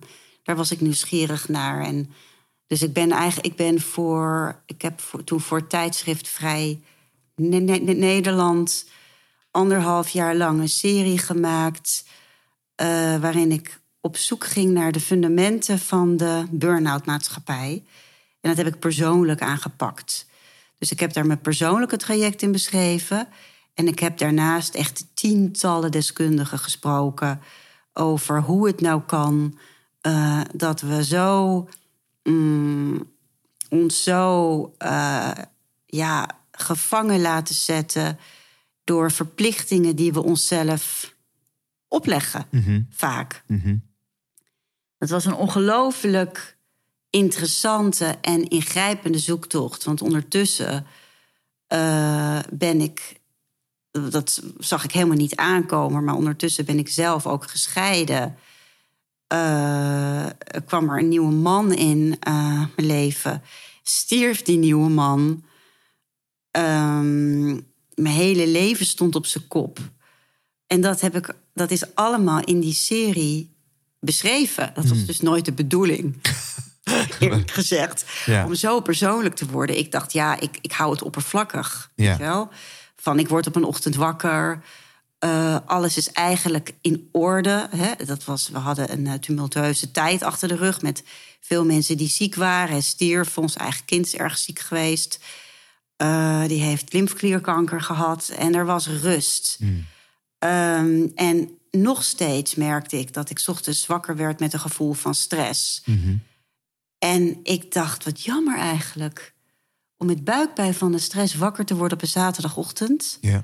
Terwijl op iedereen gezond is. Waarom? ja. Hoe komt dat? Waarom? En dat, was, dat zag ik niet alleen bij mezelf, maar ook bij al die mensen om me heen die eigenlijk in vrij welvarende omstandigheden verkeerden. Ja. Gewoon dat, dat beetje die zombiestand, dat gebukt gaan onder dat druk, druk, druk. Ehm, en wat ook meespeelde, ik, ik had net voor NRC Handelsblad een stuk geschreven. Alleen sukkels hebben de druk. en eh, dat was het, is het meest gelezen NRC-stuk ooit. Hè. Dat Echt is- waar? ja, dat is 1,3 miljoen keer gelezen Wauw. of zo. Nog steeds wordt het gelezen. Dus ik dacht, oké, dit speelt. En dit speelt ook bij mij. En ik dacht ook, oké, nou schrijf ik hier al zo lang over. Hè? Ehm, toen 23 jaar.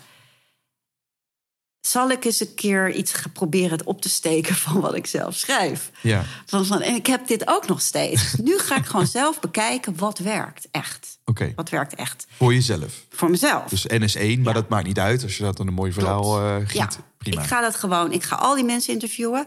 En ik ga het steeds opnieuw toetsen aan de praktijk. Ja. Nou, en kon ik het toetsen aan de praktijk? Want ondertussen ging kreeg even een bak ellende over je heen. Op de schop. Ja. En Dus be zelf- careful what you wish for, eh, hier zou zelfs zeggen. toen hield het stand. Zelfs toen hield het stand. Ja. Ja. Ja, ik hang aan je lippen, Annemiek. eh, omdat ik het zo. Gewoon omdat, ik- omdat, ik het zo, omdat ik zo meevoel met, eh, met wat je zegt. En ik dus denk, als we dus destilleren, wat heb je hier aan? Zo'n gesprek. Ja, volgens mij is het effect van jouw eh, zinsgeving, coaching, of dat, hè, zoals je dat uitlegt, het, keukentafelgesprek wat je voert. Ja, het effect ja. daarvan is dat je minder moet en meer leeft. Ja, Omdat je het is mooi gezegd. aldoende erachter komt, wat vind ik nou wezenlijk belangrijk? Ja, klopt. Want wat ik in mijn werk heb natuurlijk, en ik loop er zelf ook, ik zit zelf ook Ja. in die red race eh, te rennen en dan, Ja. en dan denk ik, oh, ik heb meer ideeën dat het tijd is en dan heb je en thuis en, en werk en projecten die je wilt verwezen. Eigenlijk hoe, hoe beter je het hebt, hoe drukker we worden. Ja, Want hoe meer ruimte er is voor, voor allerlei ambitie, aangeprate ambitie. ja, En ik kom in al die grote corporates en daar rennen ze allemaal als een kip zonder kop eh, rond. En, dan, en dan gaan we daarmee aan de slag. En dan denk ik, en dan zeggen ze, ja, waarom lukt het dan weer niet? En, oh, en een soort verkramping, hè, want dan hebben ze al heel vaak een goed voornemen gehad. En dan, ik heb het voornemen om nu in de pauze even een rondje te wandelen. Ik heb Ja. het voornemen om nu in die notificaties uit te zetten. En dat houden ze dan niet vol. ja, En denk jongens, je bent, het is niet dat je niet, eh, je bent slim genoeg om dit te kunnen. ja, Je hebt alle capaciteit om dat te doen. Het is niet dat je dom bent. Het is Ja. gewoon dat die waan van de dag ja, zo snel gaat... ja. dat we op een gegeven moment gewoon vergeten wat nou echt belangrijk is. Ja, dat is mooi. Want dat is misschien iets wat jou, waar jij ook echt, echt in geïnteresseerd bent. Hè? In, dat, in dat bestrijden of in dat opheffen van die waan van de dag. Hè?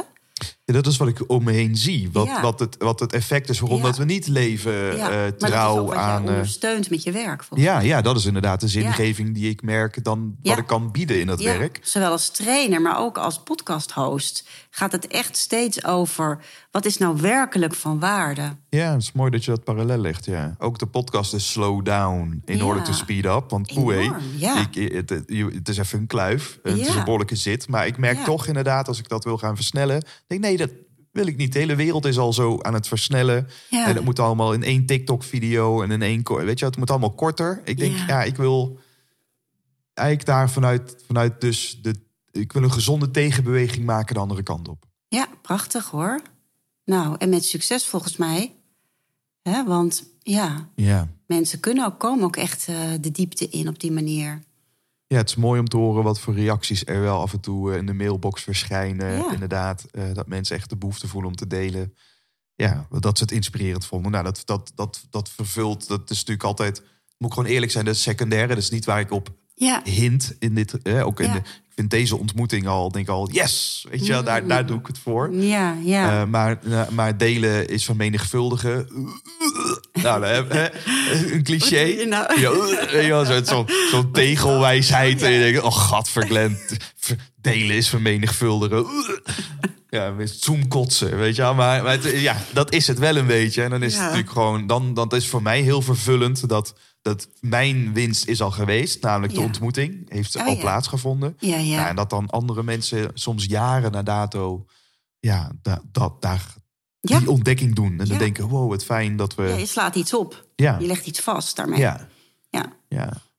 Ik ben, ik ben nog wel benieuwd, eh Annemiek, nu dat je zoveel mensen gesproken hebt over hun leven. En je die 50 prominenten hebt geïnterviewd. En dat prachtig hebt samengevat in het boek, Het gesprek van je leven. Zijn er rode draden te vinden? Dus als je kijkt naar al die gesprekken, hebben die gesprekken overeen, zijn die, hebben die dingen overeenkomstig? Enorm. Dat heeft mij enorm verrast. Vertel. Want het gaat eigenlijk, eigenlijk zou je kunnen zeggen dat mensen vaak een gesprek kiezen ehm, uit die over drie verschillende thema's gaan. Of wat ik dan categorieën noem. Mhm. Er is het of mensen ehm, noemen een gesprek waarin een inzicht is gevallen. Ehm, of een gesprek waarin ze een kans hebben gekregen. Eh, of waarin ze aangemoedigd zijn geweest. En nou, ja, ik aarzel ook als ik dat zeg, want ik vind het ook flauw om die intens persoonlijke verhalen terug te brengen tot, ja, De groepering? ja, tot, tot categorieën gesprekken. Ja. Daarmee doe ik misschien af aan de rijkwijd en de diepgang van dat persoonlijke verhaal. Dat is niet mijn bedoeling. Ja. Maar wat je daar dus aan ziet, is dat bepaalde dingen op mensen heel grote indruk maken. Ja. En één van die dingen is worden gezien. Worden gezien en een kans krijgen. Ehm, dat is voor mensen zo van wezenlijk belang. Dat op het moment dat ze, dat ze nog een beetje in het donker staan... of dat ze nog niet zo goed weten wie ze zijn of wat ze kunnen... dat er iemand is die zegt, die laat zien, ik zie jou. En ehm, ik zie wat jij kan. En ik, ik moedig je daartoe aan. Eh, Ja, een goed voorbeeld daarvan is waar ik ook echt verrast door was. Dat is presentator Paul Witteman. Vertelde dat. Die was, dat was al een gevierde radiopresentator. Maar die was ontzettend nerveus altijd. Dus die was toen al. Het was de opkomst van de tv. We spreken over een tijd geleden. Hij had heel ehm, meerdere keren al de vraag gekregen om op televisie iets te doen. En in die cameratesten ging hij steeds onderuit. En op een dag eh, was Marcel van Dam, eh, oud eh, politicus en directeur van de VARA, als ik het goed zeg, die nodigde hem uit voor een gesprek en zei: Ik vind dat jij achter het nieuws moet presenteren. En dat was toen een heel gezaghebbend nieuwsprogramma. Ja. Ik vond ook zo mooi de ansenering die je erbij maakte. Hij nodigde me uit in de villa. Ja, Toevallig, Oh, je hebt het gelezen. Ja, wat goed, ja. toevallig ben ik een keer Ja. in die villa geweest. Oh, ja. Daarom dat ik het zo nadrukkelijk heb onthouden. Ik heb een keer een Mm. workshop gedaan bij de VARA. En dat mocht dus in de villa. Ah, dus je dus, eh, kent in het. Utrecht. eh, en de heuvel, volgens mij Utrechtse heuvelrug bij Hilversum. Ja, Eh, daar, ja. Dus, dus ja, dus, dus, dus was een heel... zag bela- het voor je. Ja, ik zag het helemaal voor me. En daarmee Ja. ook de belangrijkheid van dat gesprek. Hè? Ja. Dat, dat, Oké, ik mag op audiëntie komen. Ja. Een borrel drinken, geen idee. Dat, Ja, en dat- vooral door wat er gezegd werd, denk ik. Dat, Nou? die, dat die zegt dat die. Ik, de vraag is of als er iets van betekenis. Als er niet iets van betekenis was gezegd, dan had hij zich dat waarschijnlijk niet zo goed onthouden. Hmm. Maar juist omdat iemand hier zei. ehm, jij kan dat doen. En dat hij vervolgens zei: nee, nee, dat kan ik niet. Ik ben bloednerveus. Het lukt nooit. Ja. En dat Marcel van Dam niet alleen zei ik denk prima dat jij dat kan en ik, ik leef lang genoeg om talent te kunnen inschatten. maar dat hij ook zei, je krijgt een jaar lang de tijd. Ah, Ehm, en wat geef je mensen daarmee eigenlijk niet voor geschenk? Hè? Zodat ze hun talent kunnen ontvouwen. Ja. We hebben elkaar nodig om ons talent te ontvouwen.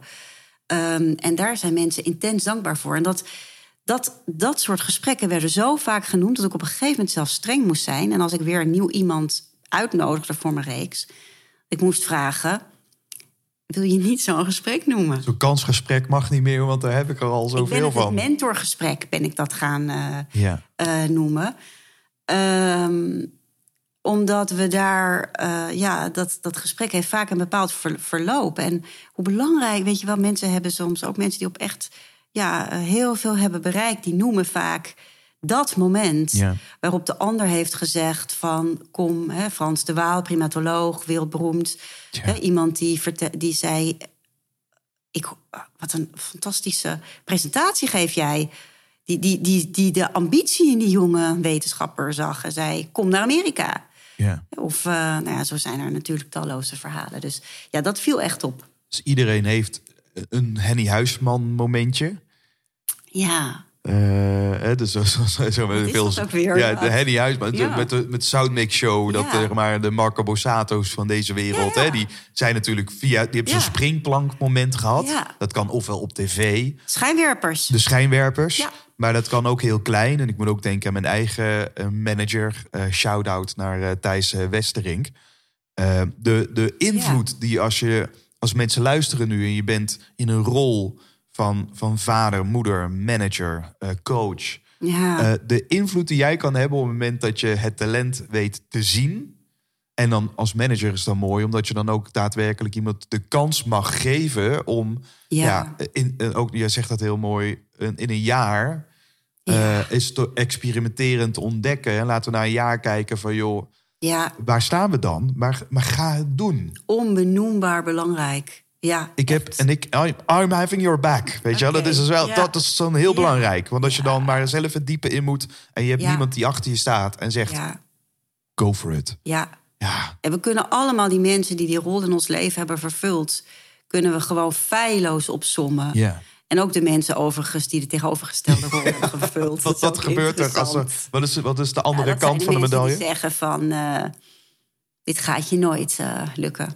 Zo Ja. kennen we allemaal, denk ik. Die mensen kennen we Ja, allemaal moet je niet ook, doen, toch? joh. Moet je niet willen. Moet je niet doen. Dat Nee, is joh. ook het, het wat Sigrid Kaag noemt in haar verhaal. Zij noemt het gesprek met een... ehm, nou ja, dat voert misschien ver hoor. Misschien dat ik nu over mijn spreektijd heen ga. Maar ehm, zij noemde als het gesprek van haar leven... het gesprek met de moeder van een goede vriend. Waar ze, ze woonde in Cairo destijds. En ze was jong en ambitieus. Ja. Ehm, en ze had aanmeldingen gedaan bij Cambridge en Oxford.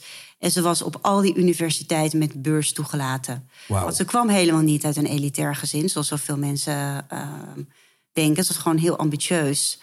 En toen, eh, ze was overal aangenomen. Dus ze ging bij een prominente moeder eh, van een vriend vragen. Iemand die zelf op een hoge positie zat. Wat zal ik doen? Ja.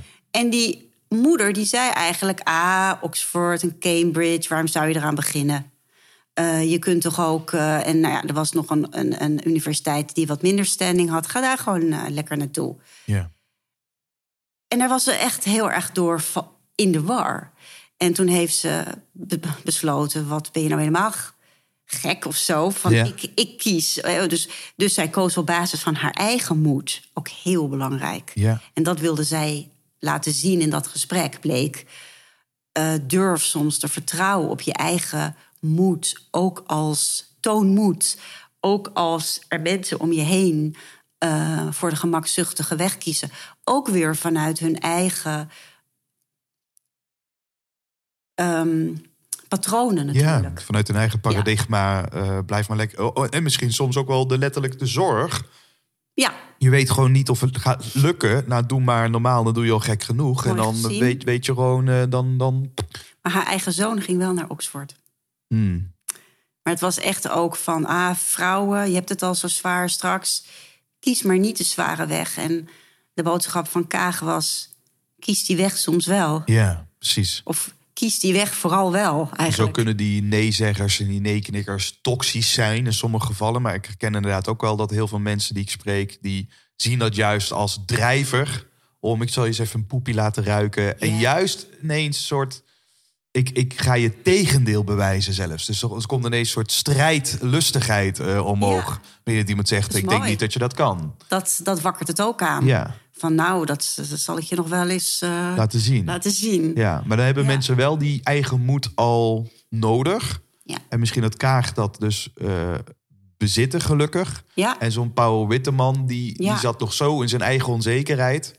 Ja, die had misschien zo'n man die had gezegd van... Nou, het gaat nooit lukken op tv, hoor. een super interessant punt wat je hier, eh, wat je hier aanbrengt. Want dat laat dus ook zien dat we al met enig vertrouwen moeten zijn opgevoed. Om überhaupt ehm, zo'n stap te durven maken. Dat was in het geval van eh Witteman niet het geval. Hè? Hij had een problematische relatie met zijn vader. eh, die nooit zo zag zitten wat zijn zoon allemaal uitspookte. En misschien was dat in het geval van Kaag wel heel anders. Dat zij door een vertrouwensvolle oudersopvoeding Ja, daar al iets van geïntegre- ge, hoe zeg je dat? geïntegreerd had. ja. Ja. Zien we dan toch de enorme invloed op, eh, op, op, op die eerste levensjaren... die opvoeding die we hebben hè? En, het, en de blueprint die daaruit voortkomt. Nou ja, zeker. hey, wat. ehm, ja, dus Ja. En we, we, tikken, we, stippen een paar gesprekken aan, maar, maar het boek zit er vol mee. Ik vond misschien nog één ding die, die ik zelf interessant vond, was dat één iemand in je boek eh, een gesprek had, um, niet met een persoon, eh, eh, Oh ja. maar met de natuur. Wende Snijders. Wende Snijders, die, die dus een, misschien wel eerder een gesprek met zichzelf aan moest gaan. Ja, drie dagen lang ergens boven op een berg. ja, dat is waar inderdaad. Ja. Vond ik toch wel, dat vond ik wel een creatieve kwinkslag van het gesprek van je leven. ja, maar dat is toch wel bijzonder dat zij dat ook als dialoog heeft gezien. Ja, Ja, Ja. Maar, dan met, ehm, eh, maar dan niet met een mens. Eh, maar met een grotere entiteit is het eigenlijk. Hè? Want zij geloofde echt dat er in de, in de natuur een wijsheid verscholen ligt waar je mee in gesprek kan. ja. Dus dat was wel, ik was daar natuurlijk blij mee met die, met die, in, met die invalshoek. Het is inderdaad de enige niet-mens. Eh, eh, en zij kwam eigenlijk gelouterd, gelouterd terug. Ja, ook daar zag je wel, het was wel een inzichtsgesprek. Dat was een inzichtsgesprek. Ja, ja kan ik me voorstellen. Ik heb waar de één, inzichten vielen. Ja. één quote heb ik, eh, heb ik, eh, heb ik gekopieerd. Heb een foto van gemaakt zelfs. Ik heb hem hier voor me. En het Mm. Ja. gaat over stilte. ja. Eh, ze zegt hier, stilte is eigenlijk niet het goede woord. Het is eerder het wegvallen van ruis. ja, Waardoor je hoort wat er gezegd wordt. Alles vibreert natuurlijk van het leven. En alles is. ja. Zij kan zo, zich zo prachtig uitdrukken. Ja, Ja, ja jaloersmakend hè? ja mooi hè? Ja, Ja. dus eh, dat, dat vond ik dus ook wel mooi. Dat dus haar stilte... eh, de stilte was, eh, dat kan me voorstellen, dat is beklemmend. Het is iets wat ik... ik, ik het, het verhaal resoneerde omdat ik ooit nog een keer zo'n stilte zou willen doen. Puur en alleen omdat ik er zo godschuwelijk veel weerstand voor voel. Oh, ik, nou, lijkt me verschrikkelijk. Ja, dan weet ik, nou, da- daar zit jouw ruimte voor groei, vriend. Eh, dus dat komt door de moment. En ik vond dus mooi dat zij een reframe zette op die stilte. Want die, zou, Ja. die, die zie ik als eh, beklemmend en als eh, naar. En ik wil, ik, wil, ik wil het uit kunnen schreeuwen. Ik wil die verbinding tot een ander. Oh, en, ja. hij, en zij zei, ja, dus het, je kan het ook zien als al dat gelul de hele dag door. Ja, jij vindt die stilte naar.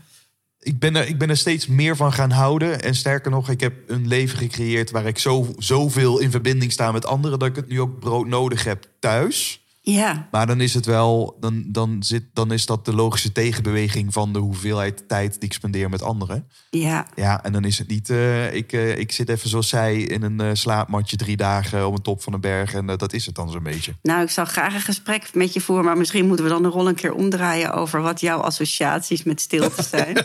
Ja, to be continued. Eh, misschien tot slot, Annemiek. Ja. Ehm, eh, wat, wat, wat voor tip of advies kun jij met al je ervaring nu mensen meegeven die zelf ook meer of betere keukentafelgesprekken willen voeren? Nou, ehm, als je met mensen een. Ja, wat, wat is een goed gesprek, hè? Maar, maar dat is voor iedereen misschien anders. Maar ik zou zeggen, de bereidheid om te luisteren wat de ander zegt. Mhm. Ehm, en ook dat praktisch ten uitvoer te brengen. Dus in de zin van, ik noem, jij noemde dat in een van je podcasts de KD-interventie. Kop dicht. Ja. Ehm, mensen laten praten. Eh, niet, kijk, natuurlijk gaan er op het moment dat de ander spreekt honderdduizend gedachten door je eigen hoofd. En het helpt zo om soms te kunnen zien wat je allemaal denkt en daar niet meteen op in te springen. Ehm, niet iedere impuls te volgen, maar echt eens te luisteren naar de ander. Ehm, en op verschillende manieren. En dat kun je ook oefenen. Hè. Je kunt ook ehm, bijvoorbeeld eh, je kunt ook eh, kijken hoe de ander beweegt. Of naar de gezichtsuitdrukking in ieder geval afstemmen op de ander. De rust voelen om af te stemmen op de ander. Ja, Ja. zoiets. Ja, mooi. mooi. Dat is, eh, en je noemt al denk ik, in een paar zinnen iets heel waardevols. Eh, wat, wat denk ik een mooie uitnodiging is. Voor degene die dit toch helemaal zo heeft zitten luisteren. Ja, want je hoeft niks, hè? Dus je hoeft niet. Je hoeft gewoon niks. Je hoeft niet aan het werk. Je hoeft het niet op te lossen voor de ander. Nee, Ehm, je hoeft alleen een beetje nieuwsgierig te zijn. Nieuwsgierig zijn. Ja. Ja. nieuwsgierig is een goed woord. Ja, nieuwsgierig zijn. Ja. Als mensen meer over jou willen weten, eh, via welke weg eh, komen ze daar? Ik heb een website met mijn naam. Ja, oké. Eh, en mijn boek eh heette Het gesprek van je leven. En nou ja. Punt, denk ik. zeg je? Punt, denk Punt, ik. Ja. ja. Zoek de website op als je het interessant vindt om zo'n nou, zo'n zingevingsgesprek te voeren. Ja, van harte welkom. Eh, en als je, nou, en ik kan het boek van harte aanbevelen. eh, eh, en ik, ja, omdat ik het, om, en ik heb je gevraagd voor deze podcast, omdat ik alleen al de het inkijkexemplaar op Bol, die, die ik tot me had genomen voordat ik je vroeg, al zo inspirerend vond dat ik dacht, ja, jou wil ik beter leren kennen. Dus heel erg dankjewel dat je in de podcast wilde komen. Dank je wel dat ik, dat ik hier mocht zijn. Dat is echt... eh, ja, ik heb genoten van het gesprek. Dank je. We gaan naar de laatste ontspotvragen. Dat zijn de vragen die ik eh, altijd iedere gast stel. En je mag eh, kort en bondig antwoorden. Goed? Klaar? Yes. Wat is een boek wat je enorm heeft geïnspireerd... of wat je misschien vaak een andere cadeau hebt gedaan? Het boek dat ik dit jaar het meest cadeau heb gedaan, dat is De Kracht van Rust. Dat is geschreven door Mirjam van der Vecht. Het is ook het spirituele boek van het jaar geworden. En eh, ik vind dat zij daar een paar hele mooie thema's aan stipt. En je denkt misschien, ja, nou, ik heb inmiddels wel genoeg gehoord over rust. Nou, het is toch, ik vond het toch een erg mooi boek. Ehm, het gaat bijvoorbeeld over het verschil in eh zaaimentaliteit en oogstmentaliteit. Dus wie erin geïnteresseerd is, koop het boek. Nog één keer de titel. De kracht van rust. De kracht van Volgens rust. mij acht tegendraadse lessen over rust of zoiets. Mirjam van der Vecht. Mooi. Wat is een mythe over gesprekken waar we echt vanaf moeten? Mythe over gesprekken waar we echt van af moeten. Ehm, dat je iets moet. Dat je aan het eh, werk moet. Dat je iets moet oplossen voor de ander.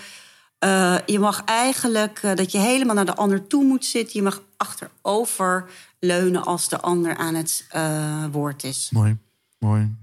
Eh Annemiek, je mag een uithangbord plaatsen waar miljoenen mensen langskomen.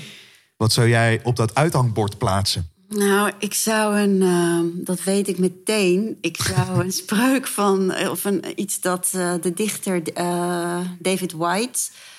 Die heeft eens gezegd: Er is geen weg de moeite waard waarop niet de kans bestaat dat je hart wordt gebroken. Oh, oh wat een heerlijke zin.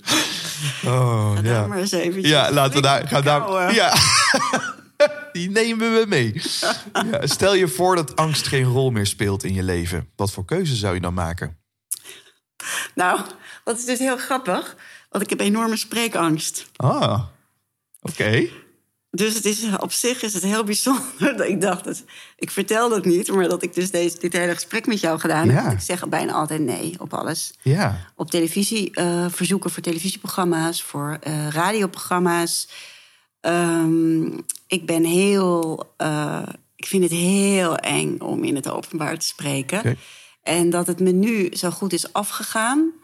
dat komt echt door hoe jij dit gesprek hebt gevoerd. Nou, dat, dat, wil ik, eh, dat wil ik bestrijden. Maar ik dank jou voor, voor het compliment. Gaan we, we hebben meerdere zaadjes, eh, voel ik al hier. waar we iets mee kunnen. We gaan nu door. Wie is voor jou idool of een ins- persoonlijke inspiratiebron? Ik heb me al genoemd, maar dat is de mysticus en dichter David White. Ja. Ja, die vind ik heel ja, ongelooflijk begaafd. Iedere gast mag een muzieknummer in de over spreken gesproken jukebox toppen. Zoals het gesprek van je leven hebben veel mensen een anthem hè, van in het leven. Een soort muzieknummer wat ze vaak horen. Ik vraag sprekers vaak naar een nummer wat ze herhaaldelijk luisteren. In jouw geval is dat een gekke vraag. Maar misschien wel een lied wat je vaak luistert om in de goede schrijfstemming te komen. Welk nummer stop jij in de over spreken gesproken jukebox? Nou, als het om een persoonlijk eh, motto moet gaan, dan, dan zou ik een ander nummer kiezen dan waar ik net aan dacht. En dat, dan zou ik denk ik, volgens mij heet dat nummer Your Old Brown Shoes of zoiets. Of Get on Your Old Brown Shoes van Su- Supertramp. Alright. Het is heel oud. Het was al gemaakt ver Oude funk. Ja, en, maar wat ik zo interessant eraan vind is dat je. Eh, Oké, het zit, ehm, het gaat niet zoals je wil, maar je trekt gewoon je spijkerbroek en je oude kloffie en je, je grote laarzen weer aan en je gaat de, en, en je gaat de wereld in met nieuwe moed. So Ja. get on your old, your old brown shoes. Leuk. zoiets. Die voegen we toe. Ja. En de laatste vraag is de college tourvraag. Wat zou jij een beginnend nou, gespreksleider, eh, eh, beginnend, misschien wel een beginnend auteur, eh, als, eh, als advies willen meegeven? Wat is een, een mooie eerste stap om tot creatie te komen? Dat vind ik misschien wel een mooi verhaal, een mooie vraag. Eh, omdat jij veel creëert in, in de vorm van tekst. Maar wat is dus een mooie tip voor mensen die de behoefte hebben iets te creëren, maar dat nog niet durven te doen? Gun jezelf de tijd. Punt. Ja, gun Ja. jezelf de tijd. Oké. En ehm, zoek een, nog iets, zoek een plek waar je alleen kan zijn. Mhm. Ehm, en waar je lang de tijd hebt om ehm, ja, te kunnen maken wat erin schuilt. Ja. Annemiek, dankjewel. Jij ook, dankjewel. Hallo lieve luisteraar, je bent aan het einde gekomen van deze aflevering en ik wil jou heel erg bedanken voor het luisteren. Ook de gast van deze aflevering wil ik van harte bedanken voor alle waardevolle inzichten. En vond jij het nu ook een waardevolle aflevering? Laat me dat dan weten. Maak even een connectie aan via LinkedIn. En als je dat wilt, waardeer ik het enorm als je een review wilt achterlaten op je favoriete podcast-app. Dat helpt namelijk om de zichtbaarheid te vergroten, zodat we samen korte metten maken met plankenkoorts en leren spreken met meer impact. Wil je meer informatie over de podcast? Check dan mijn website www.glenvergozen.nl. En wil je zelf ook praten met resultaten? Dat kan. Ga dan naar www.desprekersregisseur.nl en meld je aan voor de gratis Online Sprekers Academy. Dit is een gratis online training met de negen beste lessen van twee jaar over spreken gesproken podcast. De missie van de Over Spreken Gesproken podcast is om jou te helpen je stem te vinden, zodat jij anderen kunt inspireren datzelfde te doen. Ik wil je heel erg bedanken voor het luisteren en graag tot de volgende aflevering.